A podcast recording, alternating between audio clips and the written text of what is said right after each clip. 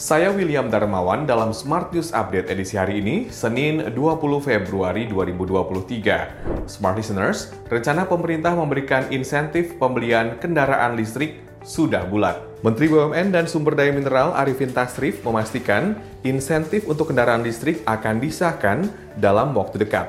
Arifin menyebutkan anggaran untuk subsidi akan diambil dari dua alokasi kementerian untuk insentif konversi motor listrik diambil dari pagu anggaran Kementerian SDM, sedangkan pembelian motor listrik baru dari Kementerian Perindustrian.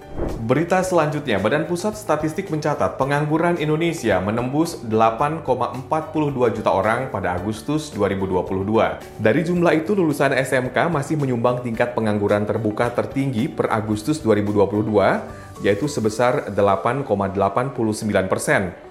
Untuk daerah dengan pengangguran terbanyak di Indonesia, Jawa Barat menjadi provinsi paling banyak penyumbang pengangguran yaitu 8,31 persen.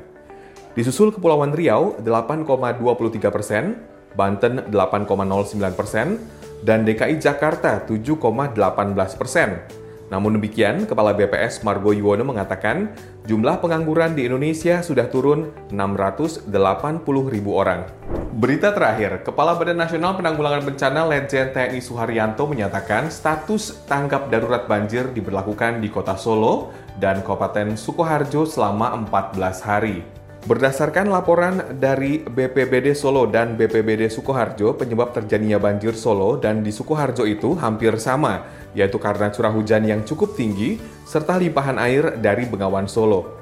Meski status tanggap darurat akan diberlakukan selama 14 hari, Suaryanto berharap masalah banjir di kedua wilayah itu dapat segera tertangani. Sekian Smart News Update hari ini. Saya William Darmawan mengucapkan terima kasih. Sampai jumpa.